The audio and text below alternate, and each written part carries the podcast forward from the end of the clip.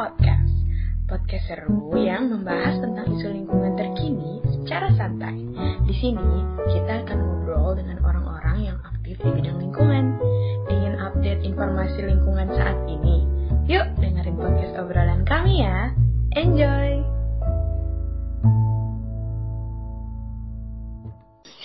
Selamat malam dan selamat datang pada live Instagram Ikatan Mahasiswa Teknik Lingkungan Indonesia yang pada malam hari ini saya Kiki akan menemani sobat lingkungan semua untuk membahas dan mengupas tuntas mengenai tips dan trik hidup ramah lingkungan atau yang biasa dikenal eco lifestyle. Buat sobat lingkungan di sini yang belum tahu apa itu eco lifestyle, merupakan salah satu agenda dari Departemen Pengabdian Masyarakat Ikatan Mahasiswa Teknik Lingkungan Indonesia yang pada malam hari ini kita akan mengangkat tema mengenai kelola limbah medis untuk hidup ramah lingkungan.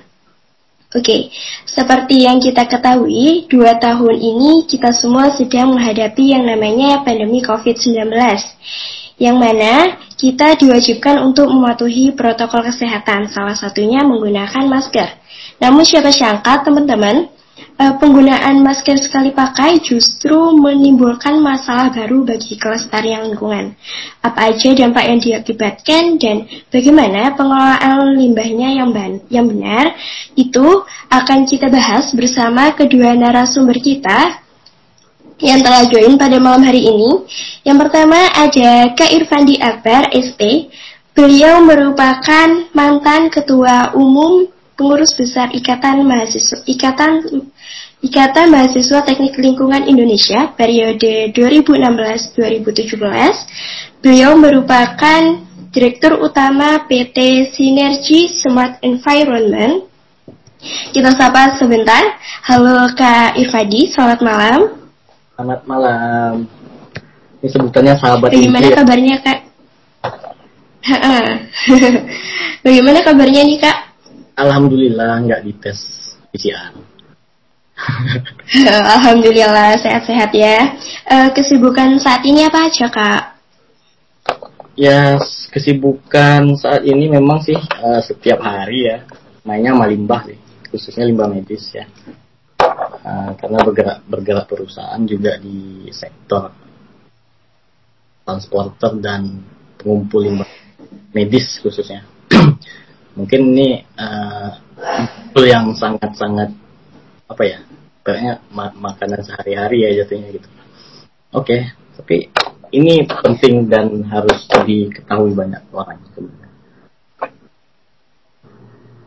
Oke, jadi perusahaan Kak Irfandi ini fokusnya pada pengangkutan limbah medis gitu ya Kak, dan pengolahannya.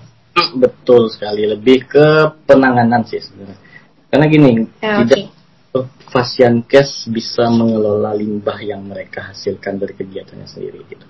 Jadi muncullah pelaku usaha dalam bentuk pihak ketiga lebih tepat. Iya betul.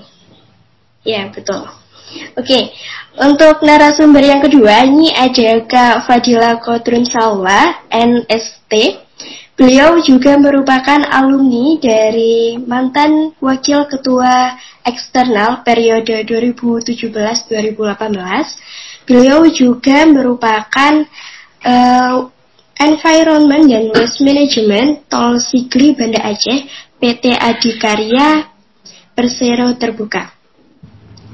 Kita sapa karena tadi belum menyapa Kak Didil. Halo Kak Didil.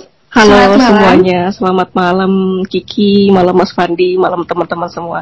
Malam fans-fans aku yang lagi nonton itu kayaknya banyak banget. Dari fans Banyak fansnya ya Kak Didil. uh, kabarnya gimana nih Kak Didil? Alhamdulillah kalau Mas Fandi nggak di PCR, aku alhamdulillah belum cuti, udah empat bulan kayaknya. masih di Aceh, masih di Aceh terus. Jadi ya kita masih menikmati kegiatan di proyek juga. Setiap hari 24 per 7. Sama-sama sibuk dalam proyek masing-masing ya kak. Alhamdulillah. Uh, aku yang aku tahu ini Kak Didil dan Kak Irfandi, keduanya ini punya pengalaman dalam limbah B3. Uh, buat teman-teman mungkin ada yang belum tahu nih Kak apa itu limbah B3. Mungkin Kak Irfandi dan Kak Didil bisa berbagi pengalaman sedikit apa itu limbah B3, bagaimana pengolahannya yang baik dan benar, dan gimana sih uh, pengelolaan limbah B3 yang diterapkan di perusahaan Kak Irfandi. Karena tadi Kak Didil sudah cerita sedikit. Silakan Kak Irfandi. Oke, ini aku nggak nggak berat-berat amat ya. Udah malam juga ya nyantai kan. Bahasnya agak-agak simple cuma pesannya sampai gitu. Enggak eh, betul nggak dia setuju. Limbah B3 medis ya. Limbah B3 medis. Kita kenali dulu lah apa itu limbah B3 karena limbah B3 itu adalah sisa dari aktivitas atau suatu kegiatan yang menggunakan B3. Ingat ya, yang menggunakan B3. Jadi B3 belum tentu limbah B3. Jadi, kontaminasi B3 nggak kepake lagi jadi sisa itu limbah B3, LB3. Tapi kalau misalnya sumbernya dia itu B3 belum menjadi sisa, dia akan tetap menjadi B3. Makanya dia ada yang namanya itu dulu sering ngeliat ya kita dulu ya. MSDS tahu kan? Material safety data sheet. Nah itu fungsinya. Jadi dari awal tuh B3 dibuat dihasilkan sampai tuh barang jadi limbah ke tracking semua gitu. Oh ini campur ini jadi apa blek. Oh ini tuh yang kita. Nah khusus untuk medis mungkin lebih di apa ya dikhususkan karena limbah B3 medis ini karakter karakteristiknya itu infeksius. Jadi cenderung lebih ke hmm, biologi ya. atau gen misalnya. Jadi penanganannya pun juga khusus, terus pengelolaannya juga khusus dan pengawasannya juga lebih ekstra. Apalagi di masa ini ya pandemi ya, pandemi masker aja udah jadi limbah medis sekarang dan masker itu ya dihasilkan juga dari rumah-rumah juga yang ngelakuin isoman sendiri gitu. Nah, gimana sih penanganannya? Sebenarnya pemerintah itu udah mengeluarkan yang peraturan terbaru itu peraturan Menteri Kesehatan nomor 18 tahun 2020 terkait pengelolaan limbah B3 medis di wilayah di wilayah masing-masing gitu ya meliputi kegiatan pengurangan, pemilahan, penyimpanan, pengumpulan, pengangkutan, penimbunan, dan untuk pengolahan. Karena dewasa ini ya kita baru sadar bahwa fasilitas pengolahan limbah medis kita itu satu banding berapa ya? Oh, jauh sih. Cuma 96 yang berizin dari ribuan pasien kes yang ada di Indonesia. Ini ke mana tuh limbahnya gitu? Ada yang keluar ke PA, terus ada yang yang masuk ke TPA, ada yang dimanfaatin dimanfaatin tanpa ada izin kan itu nggak boleh sih. Tentunya itu menjadi menjadi perhatian khusus untuk pemerintah uh, lebih ini ya ke ini ya ke instansi lingkungan hidup mungkin bisa berkoordinasi dengan instansi kesehatan karena di Kementerian Kesehatan juga punya yang namanya kesehatan lingkungan. Ini nggak jauh-jauh, nggak nggak jauh sih korelasinya sama KLHK, tetapi pelaksanaannya memang terkadang berbenturan. Karena ada apa ya dua stakeholder yang sama-sama membawahi bidang tersebut. Jadi cenderung sih cenderung uh, penghasil limbah itu cenderung melaksanakan di koridornya. Kesehatan, kesehatan, tetapi untuk pelaksana pengelolanya kebanyakan ya pihak ketiga ya mereka mengacu ke peraturan dari Menteri Lingkungan Hidup. Tetapi sama polanya sama cuma sedikit uh, apa ya ada beberapa miss lah. Cuma itu masih bisa ditolerir ya. Nah, itu sih. Untuk awal dulu yang nggak usah berat-berat dulu ntar. Oke, jadi menurut Kak Irfandi, uh, limbah B3 itu segala sisa dari aktivitas yang mengandung bahan berbahaya dan beracun gitu ya Kak, terutama limbah medis yang sifatnya infeksius, itu membutuhkan penanganan lebih khusus daripada limbah B3 yang lainnya gitu ya Kak. Maka dari itu dibutuhkan pihak ketiga seperti perusahaan Kak Irfandi. Seperti ya, seperti itu ya Kak. Ini Dipromosiin nama Impli nih. Gak apa-apa, sekalian kak. ya. Oke, okay. Untuk sobat lingkungan yang tadi kan sudah spill sedikit mengenai limbah B3, jika ada pertanyaan untuk kedua narasumber bisa dituangkan di box question di samping kolom komentar. Nanti saya bacakan dan akan dijawab oleh kedua narasumber kita. Oke? Uh, seperti yang saya singgung seperti awal, uh, sekarang ini kita sedang menghadapi yang namanya pandemi COVID-19, yang mana kita mengharuskan untuk uh, mematuhi protokol, protokol kesehatan. Terkait hal itu tidak jauh kaitannya dengan timbulnya masalah limbah dan lingkungan. Menurut Kak Didil nih, uh, bagaimana sih Kak dari kondisi limbah medis, terutama pada saat pandemi COVID-19 ini? Iya, jadi aku ingat sedikit nih, balik lagi ke soal TA kan dulu tentang limbah medis. Jadi banyak ngobrol sama pihak-pihak uh, yang berkecimpung terkait limbah medis itu ya, dari puskesmas, terus uh, rumah sakit, sampai pihak ketiga pengangkut, uh, pengelola kayak gitu. Jadi ya memang limbah medis itu waktu saat itu sekitar 2016-2017 justru timbulannya ya masih di bawah rata-rata. Dan memang timbulan itu akan naik dan pernah naik ketika ya masa pandemi, istilahnya ya masa banyak vaksin, kemudian ada wabah kayak gitu. Nah itulah yang kita hadapi sekarang memang.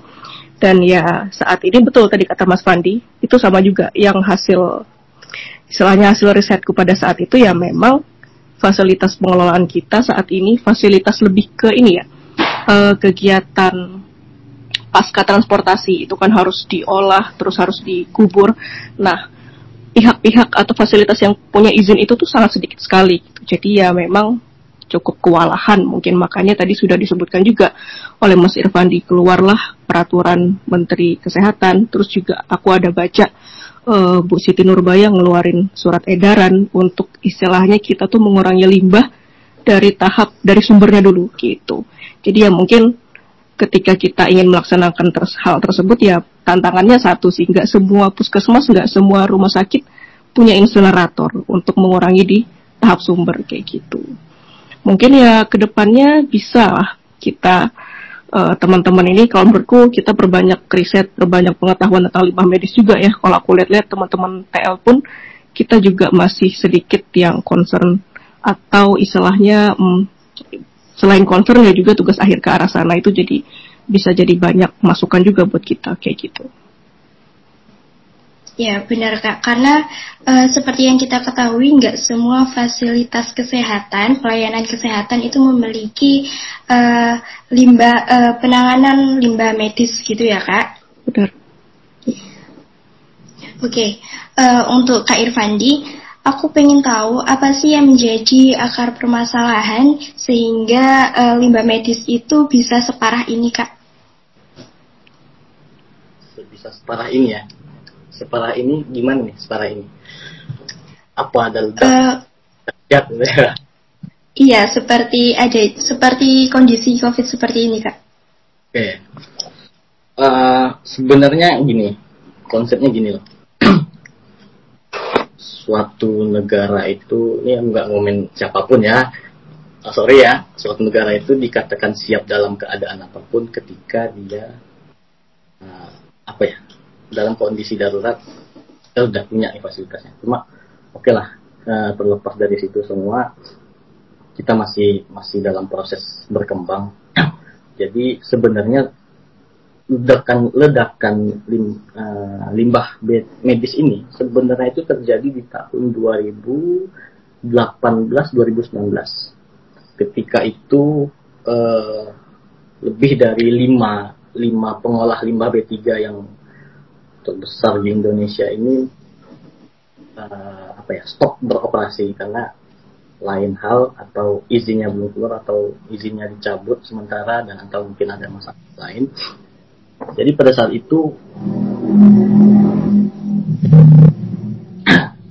gimana caranya? Ya beliau mengeluarkan surat edaran kalau nggak salah itu untuk perusahaan semen ya. Perusahaan semen boleh menerima limbah B3 medis. Karena yang akan diolah di uh, tanur ya kalau misalnya semen itu tanur ya ya untuk proses pembakarnya. Nah itu terjadi dalam kurun waktu satu tahun. Sambil menunggu uh, beberapa fasilitas pengolahan limbah yang ada di Pulau Jawa itu beroperasi kembali mirisnya dan lebih uh, apa ya lebih miris sih sebenarnya Sumatera yang segede ini baru punya fasilitas pengolahan limbah B3 yang berizin itu cuma satu. Dan itu pun baru tahun kemarin. Kenapa ini bisa terjadi? Ya kita nggak tahu apakah memang desentralisasi di uh, Pulau Jawa untuk pengolahannya kita nggak nggak tahu juga ya Allah alam. Nah tapi ini kan menjadi pertanyaan-pertanyaan yang kita nggak tahu nih mau jawab apa gitu.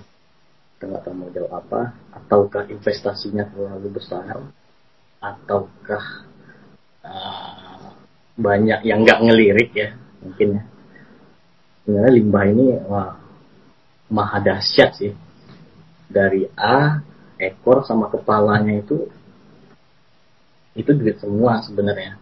Bagi yang mau tahu ya paham mengelolanya paham mengolahnya apalagi ya.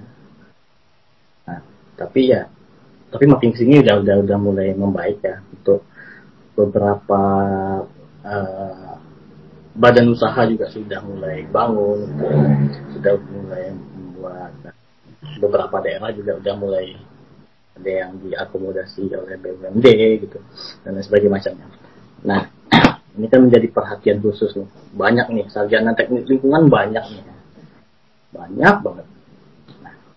Kita coba dong. Uh, lebih concern ke apa ya? Apa yang kita pelajari? Itu yang kita pelajari dulu yang susah-susah itu oh itu nilainya tinggi sebenarnya. Karena ya menurut pengalamanku sendiri lulusan sarjana teknik lingkungan itu cenderung banyak ngambil ke mungkin ke safety atau dan lain sebagainya. Boleh nggak masalah. Cuma alangkah kita lebih idealisnya gitu ya. Sebelum mati kata kita lebih uh, wah ini gue banget nih. Mau limbah udah deh anak TL deh. Nah gitu. Pengennya sih kayak gitu bakal ada cikal bakal lulusan TL yang bisa membuat dobrakan baru gitu ya. Mana tahu nggak mesti insinerator deh pengolahannya nggak mesti thermal kita punya ini kok pakai microwave misalnya atau pakai gelombang elektromagnetik mah macam-macam. Karena yang jadi concern utama itu kan limbah. Di mana-mana yang ditanya limbah itu pasti anak TL pasti anak TL tapi banyak kan yang bisa jawab. Ini kebetulan aku lagi ngambil magister teknik kimia juga lebih banyak kan yang tahu anak teknik kimia why gitu kenapa bisa terjadi karena mereka lebih concern ke pengolahan sih. Pengolahan kalau pengelolaan itu beda ya. Pengelolaan sama pengolahan itu beda. Pengolahan itu mengolah merubah. Tapi belajarnya itu dulu kalau kita belajar SO sama SP ya, satuan operasi, satuan proses gitu kan. Nah, apa ya, yang paling ribet lah dulu tuh. Cuma ketika kita paham dengan itu, kita bisa merubah limbah A menjadi limbah B gitu kan dengan tambahan ini sedikit wah ini jadi bahan yang bernilai ekonomis gitu. itu sih yang mungkin masukan buat teman-teman TL mungkin kalau ngambil TL atau apalah uh, yang segimana gimananya ya kalau misalnya ada minatnya ke sana mungkin jauh lebih bisa bisa bisa bisa bisa cepat berkembang ya gitu. Oke, aku justru baru tahu nih kak kalau ternyata justru ledakan dari limbah medis itu terjadi pada tahun 2018-2019 ya kak. Uh, dan tadi juga ada masukan dari Kak Irfandi buat yang semester-semester akhir untuk mengambil topik limbah medis gitu ya, karena ini juga akan mendongkrak perekonomian gitu ya kak. Ya, lebih ke gini sih, lebih uh, ini yang namanya tuh apa ya negara berwawasan lingkungan gitu. atau wilayah berwawasan lingkungan smart environmentnya di situ gitu. Jadi apa sisa hasil dari kegiatan itu sebenarnya bisa menjadi suatu hal yang tidak mencemari bahkan bernilai ekonomisnya bahkan bernilai ekonomis jadi main limbah bukan berarti kita main jorok-jorokan mbak. Kita mainnya jorok di kepalanya aja ngitungnya gitu. Gitu Oke, tadi kan Kak Irfandi menyebutkan magister teknik kimia. Di mana nih Kak kalau boleh tahu? Uh, lagi ngambil di sini sih di Unri Universitas Riau. Ya. Kebetulan aku di domisilinya di Pekanbaru ya. Pekanbaru. Uh, jadi karena tertarik ke pengolahan, pengolahan limbah, malahan ya di teknik kimia itu belajarnya banyak tuh limbah. Limbah. Jadi limbah kalau kita di TL mungkin ini ada IPAL gitu kan. Gimana sih airnya cuma bisa dibuang ke badan lingkungan aja kan? Ini enggak sih? Oh ini udah. Iya benar. Begitulah ya. Bah, kita nggak belajar tentang pemanfaatan kita nggak belajar tentang uh, apa ya mem membuat limbah ini menjadi nilai yang ekonomis. Sebenarnya ini kan TL banget nih. Ya, TL banget dong.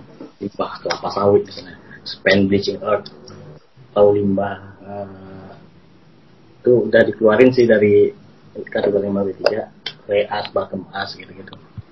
Itu kan bisa membuat apa ya suatu barang produk baru dari limbah tersebut. Nah, mungkin itu sih lebih concern ke pengolah karena kita dulu di TL kalau aku di TL dikit itu belajar limbah B3 itu belajar peng, bukan pengolahan.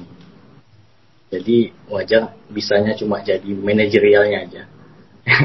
Ketimbang kita jadi teknisnya. Kalau misalnya kita mau jadi manajerialnya kita harus tahu teknisnya dulu dong baru bisa jadi manajer benar nggak dia setuju pak tapi mungkin aku sharing sedikit ya pak jadi pak manggil pak Irfan ini tuaan dia gitu jadi kan kalau misalkan aku lihat-lihat ya dulu itu mungkin nggak tahu nih mungkin diupdate kalau ada peraturan terbaru kan kita punya permen LH 56 tahun 2015 ya mas ya udah update belum ya itu ya Uh, masih berlaku kok, Dil. Masih berlaku ya. Kan kalau dilihat-lihat tahunnya 2015. Jadi bahkan 2015 aja itu kita baru diatur gitu. Jadi mungkin kalau dihitung jangka waktu dari 2015 sampai saat ini ya mungkin bisa jadi aja itu ya menurutku itu masih tergolong barulah uh, peraturannya. Jadi mungkin ya ketika peraturan itu dikeluarkan belum tentu akan dalam waktu lima tahun itu maksimal pasaran di lapangan itu belum tentu maksimal. Jadi mungkin itu sih yang bisa bikin ya itulah eh, kendala-kendala uh, di lapangan ya. Yang bisa jadi tadi kalau tadi ditanya pertanyaannya kenapa kok bisa parah ya mungkin salah satunya mungkin tapi nih maaf maaf kata nih karena kan takut mengkritik gitu takut gitu ya takut salah ngomong mas Iya, karena undang-undang tentang lingkungan itu aja ya, kita baru punya itu 2009 loh, undang-undang hmm. nomor tahun 2009 dan sekarang kan berubah nih jadi PP 22 tahun 2021. Iya, 2021. Cuma ada spare ya sekitar 10 tahun ya, 10 tahun dan itu udah dirubah lagi. 10 tahun aja belum kelar gitu kan udah dirubah lagi gitu. gitu. belum belum bisa terlaksana di seluruh wilayah Wah, ada yang baru lagi nih. Sebenarnya sih PP 22 sama Undang 32 tuh nggak banyak beda. Nggak banyak jauh. Bedanya cuma yang membedakannya itu uh, apa ya? Lebih ke uh, sistem berusaha berbasis resiko aja sih sebenarnya. Ada manajemen resikonya deh kalau di adikarya paling pasti ada kan ya. Iya. Yeah, Lebih ditambahin itu aja. Itu. Oke, ya. Untuk pertanyaan selanjutnya, uh, mungkin teman-teman di sini pengen tahu apa sih dampak dari limbah medis terhadap lingkungan jika tidak dikelola dengan baik. Mungkin dapat dimulai dari Kak Didil. Oke, kalau dari aku mungkin dari hal terkecil dulu ya. Misalkan, misalkan kan memang kalau kita lihat ini nggak semua orang atau semua pihak yang menghasilkan limbah ini nggak semua pemikirannya sama kayak kita. Oh ini uh, limbah berbahaya, limbah B3, limbah medis berbahaya untuk lingkungan harus dikelola, harus diolah gitu ya. Nggak semua berpikiran kayak gitu. Ada juga yang tadi kayak kata Mas Fandi semuanya ini tuh kos atau biaya yang kita keluarkan untuk mengelola limbah B3 itu tuh nggak kecil ya Mas ya. Dan aku pun aku tahu nilainya. Sebagai pihak yang bekerja sama dengan pihak ketiga aku tahu nilainya. Jadi ya memang semahal itu. Jadi ketika proyek atau perusahaan tersebut ya udahlah udah bodoh amat gitu. Ya udah misalkan buang sembarangan. Jarum suntik dibuang sembarangan terus ya parah-parahnya nanti kalau ada pemulung keinjek. Wah itu kan itu ya salah satu case. Itu kan bisa jadi parah juga ya baik-baik kalau jarum suntiknya e, dari pasien sehat, tapi kalau ini dari pasien infeksius ya gimana gitu. Itu salah iya. satu contoh sih. Bisa tuh. Pernah ada kasus itu sering kita dengar sih kasus di Bantar Gebang kayak gitu ya, ketusuk jarum lah apa segala macam. Itu salah satu contohnya sih. Terus kalau misalkan dari insinerator dari case insinerator juga kita bisa ambil case ya Mas. Kalau menurutku ketika nanti ada pembakaran besar-besaran ya tapi ini mungkin nanti uh, bisa dijelasin lebih lanjut sama Mas Fandi karena output insinerator itu kan uh, gas beracun Mas ya. Jadi gas. mungkin ya dioksin, dioksin ya. Eh apa Mas? Bener ya dioksin ya? Uh, fly as bottom as sih lebih banyak. Uh, uh, pokoknya tadi aku sempat baca juga ya. Memang ketika kita menggunakan insinerator besar-besaran itu justru malah niat awalnya pengen mengurangi limbah justru malah jadi masalah baru kayak gitu itu perlu banyak lagi-lagi perlu banyak riset penelitian gitu. Oke, jadi menurut Kak Didil dampaknya lebih ke uh, lingkungan yang mana akan berbahaya jika itu bersifat infeksius, begitu ya Kak? Iya. Kalau menurut Kak Irfandi bagaimana? Uh, berbahaya bagi lingkungan sebenarnya berbahaya bagi lingkungan ini ada kategorinya lagi loh kategori limbah B3 berbahaya untuk lingkungan. Kalau sifatnya itu udah infeksius, ini infeksius ini level atau faktanya paling tinggi loh. Bisa mencemari lingkungan manusia, pokoknya makhluk hidup kayaknya. Karena di limbah medis ini dikategorikan lagi beberapa jenis limbah ya. Itu ada limbah patologis, ada limbah klinis, kimia, bahan kimia ada luarsa dan lain, lain sebagainya yang itu diatur terpisah dengan limbah B3 non medis. Jadi ada dua lagi nih klasifikasinya, limbah B3 medis dan limbah B3 dan medis. Nah, fakta yang paling berbahaya danger itu yang memang limbah B3 medis, infeksius. Jadi kalau berbahaya untuk lingkungan, karena penanganannya seperti ini. Limbah B3 medis yang dihasilkan lebih dari 2 kali 24 jam dengan suhu normal ya, itu wajib diolah langsung. Ada atau tidak adanya tempat di situ dengan suhu normal dia wajib diolah. Tapi kalau seandainya dia dimasukkan ke transfer depo misalnya dengan suhu 0 derajat ya, biasanya itu pakai freezer atau cold storage lah biasanya karena bisa dikumpulkan jauh lebih lama maksimal itu 90 hari. Jadi sekali ngangkut itu banyak gitu. Mana ada sih transporter yang mau ngangkut cuma 3 kilo gitu ya. Nah kan itu itu jadi masalah juga sebenarnya karena beberapa fasilitas uh, pelayanan kesehatan seperti puskesmas, klinik gitu ya. Itu kan mereka timbulannya tuh kurang dari 50 kg per hari ya. Atau per bulan mungkin nah bagaimana caranya ya caranya yang diperbolehkan oleh pemerintah itu melalui riset ya karena karena kan pemerintah juga mengeluarkan statement dalam bentuk peraturan itu kan sudah ada risetnya sudah ada penelitiannya dan lain-lain. Jadi ketika limbah medis ini kenapa boleh disimpan 90 hari di suhu 0 sama dengan 0 atau kurang dari 0 derajat itu untuk mengantisipasi tumbuhnya bakteri lainnya patogen yang lebih lebih hidup lah gitu. Dia dia kan tumbuh bakteri di situ karena dia sifatnya biologis ya. Kalau dia di suhu nol pertumbuhan biologisnya itu terhambat atau ibaratnya bakterinya pingsan dulu deh sementara sebelum diolah. Pertanyaan terakhir dari aku kak, uh, apa ada saran dari Kak Irfandi dan Kak Didil untuk teman-teman di sini untuk konsisten dalam mengurangi limbah medis itu sendiri kak? Siapa dulu nih, Didil ya? Siapa dulu nih? Aku dulu. Kak oh, Didil iya. boleh. Kalau mau kita suruh pakai masker kain nggak mungkin, karena justru sekarang bahkan disuruh dua lapis. Boleh. Ya, uh, masker medis plus uh, masker kain ya katanya kan uh, yang istilahnya varian terbaru COVID ini yang Delta apa segala macam udah sampai Z sampai sampai kappa sampai Z itu katanya cuma butuh cuma butuh waktu 5 detik untuk menular dan bahkan dia nggak dari droplet lagi gitu sudah bisa lewat udara. Kalau aku suruh pakai masker kain nggak mungkin jadi jadi ya paling ya pertama untuk teman-teman yang bukan TL ya pertama tadi kita gunakan sebijak-bijaknya. Karena kita nggak pakai masker pun nggak mungkin dong harus pakai masker. Jadi ketika memang ada yang harus kita gunakan dan harus diganti ya contohnya kayak masker harus diganti setiap hari pergunakanlah sebijak mungkin gitu. Terus juga lebih aware juga ke lingkungan sekitar. Jadi ketika kita habis pakai masker janganlah langsung dibuang. Apalagi kalau kita habis isolasi ya. Atau enggak udah tahu nih positif nih. Janganlah dibuang ke mana-mana gitu ya maskernya aja. Jadi hasil dari live IG ini ya agak bermanfaat sedikit lah buat teman-teman yang bukan TL gitu.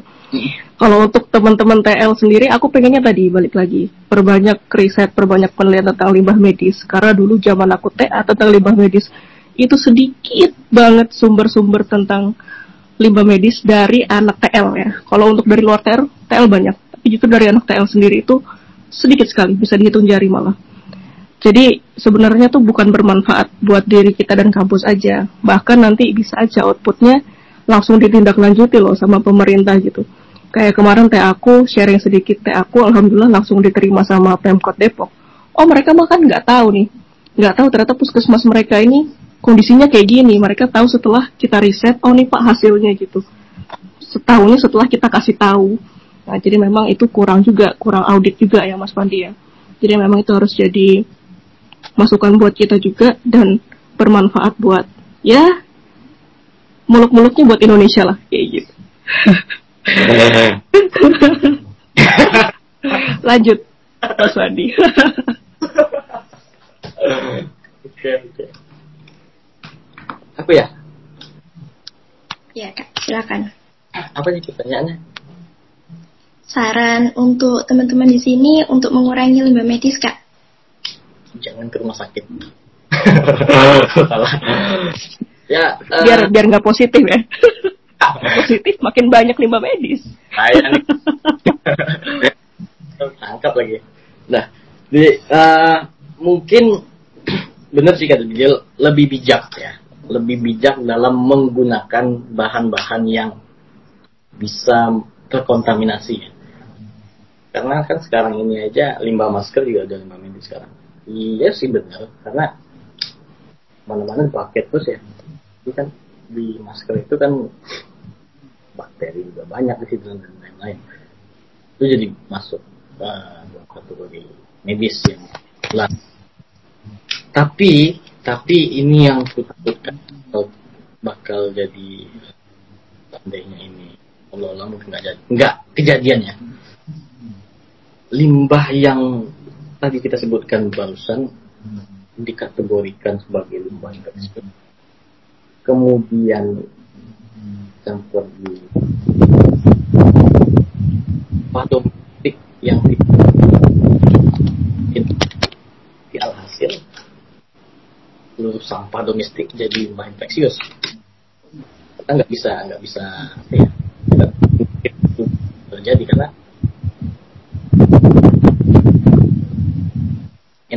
infeksius ya itu kan kita nggak bisa kelihatan ya karena dia bakteri dan juga virus nah uh, lebih bisa untuk melakukan pengelolaan mandiri sih mandiri seperti direndam dulu atau itu ini ada ah kita masih banyak yang minim pengetahuan di sini banyak yang kurangnya kesadaran ya mungkin ya dulu atau yep. ah kesadarannya dari dari masing-masing personnya karena ini nggak bisa ya, utuh atau full time kalau misalnya tingkat kesadarannya itu rendah sedangkan ppkm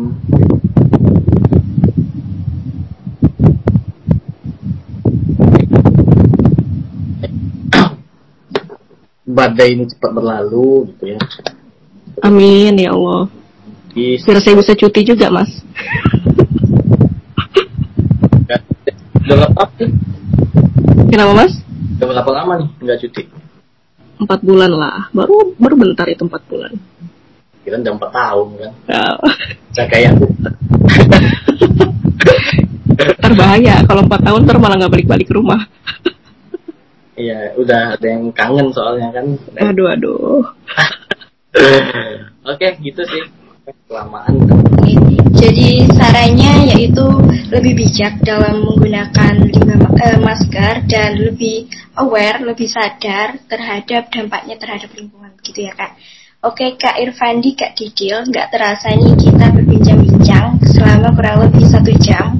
Uh, sebelum aku menutup live Instagram kita pada malam hari ini, uh, nggak abdol rasanya apabila Kak Didil dan Kak Irfandi belum memberikan closing statement.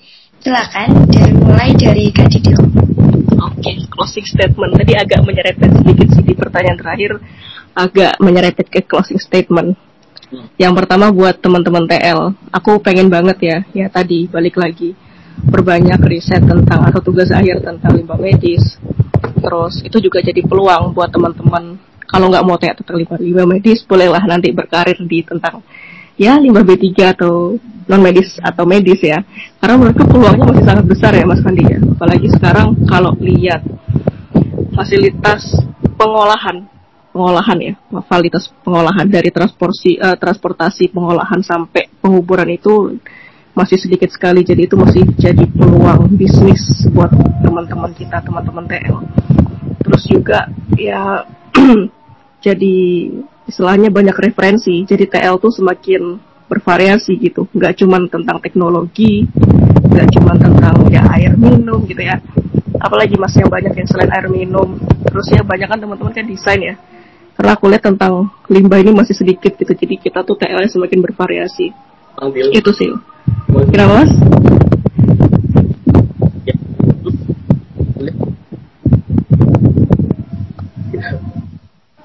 dapatkan A itu waduh ya. A, A B aja nabi ya jadi gitu. Memang ya biar ya dimulai dari anak-anak intri lah. Jadilah pionir gitu. Karena menarik memang menarik banget buat diulas gitu. Terus untuk teman-teman yang bukan TL kalau ada yang ikut kita sebarkan kebaikan tadi viralkan. Gitu sebarkan kebaikan informasi viralkan jadi concern kita terhadap limbah medis ini nggak cuma di anak TL aja nggak cuma di anak teknik kimia aja kayak gitu jadi semua uh, teman-teman semua dari berbagai background itu bisa tahu ini berbahaya loh kalau nggak uh, kita kelola dengan bijak, nggak kita kelola dengan baik. Apalagi saat ini kondisinya pandemi, diri kita sendiri yang menghasilkan limbah, bukan dari perusahaan lagi, bukan dari proyek lagi, bukan dari instansi lagi, itu sudah dari diri kita sendiri. Jadi ya kan ada peraturannya. Siapa pun yang menghasilkan limbah wajib mengelola limbahnya. Nah itu, itu itu bisa ditutup sebenarnya kalau kita nggak kelola. Jadi ya itu kita sebarkan informasi baiknya aja gitu Sekian dari aku. Oke, silakan Kak Irfandi memberikan closing statementnya. Hmm, harapannya sih ya, harapannya bakalan ada atau muncul uh, apa namanya tuh ya uh, elemen baru ya dari teman-teman TL atau semangat baru, spirit baru dalam uh, menindaklanjuti perubahan zaman yang sangat-sangat signifikan. Waduh, kita nggak belajar nggak belajar TL tentang IPAL yang pakai ada sedimentasi, wah IPAL udah mini sekarang udah satu kotak empat kali empat itu udah semuanya dalam wah dalam satu waktu udah keluar yang bagus. Why? Nah kita harus cepat untuk beradaptasi karena memang benar sih dalam praktiknya saat ini ya sekarang adalah perdagangan bebas ya. salah satunya perdagangan ekonomi bebas atau segala macam. Dituntut untuk terus berinovasi terus punya uh, semangat untuk apa ya menemukan sesuatu atau riset yang lain gitu ya.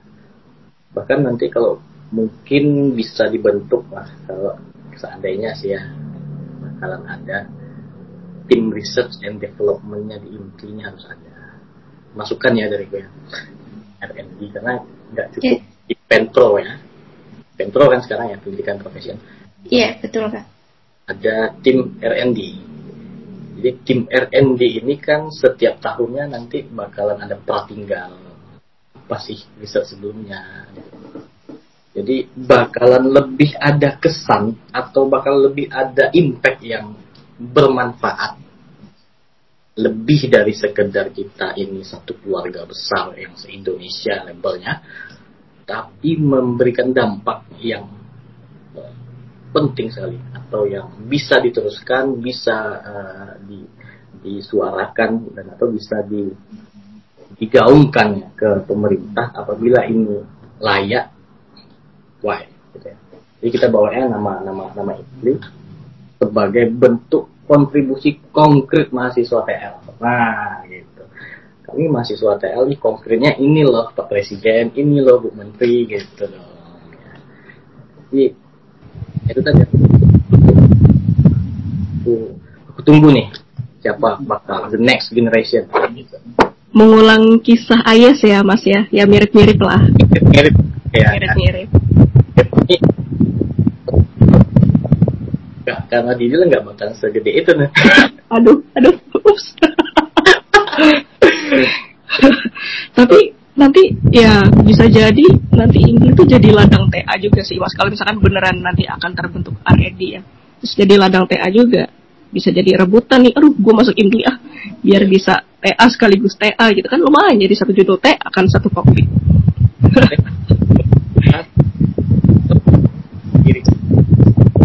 kuliah juga organisasi juga. Selesainya cepet kerjanya cepet organisasinya nyata dan konkret itu salam tari ya ya. Salam tari. Jadi kan Inggris sebesar namanya. Salam tari. Inggris sebesar namanya Oke, okay, closing statement yang sekaligus menjadi masukan bagi mahasiswa teknik lingkungan Indonesia Kak. Oke, okay, terima kasih atas closing statement yang telah diberikan dan terima kasih atas waktu yang telah diberikan untuk kita semua uh, dan pengalaman dan ilmu yang telah diberikan uh, nggak terasa satu jam sudah satu jam lebih bahkan telah berakhir. Uh, dengan demikian juga uh, Instagram live kita pada malam hari ini juga berakhir. Semoga kita berjumpa di live Instagram Eco Lifestyle berikutnya. Sampai jumpa. Terima kasih Kak Irfandi. Terima kasih Kak Jidil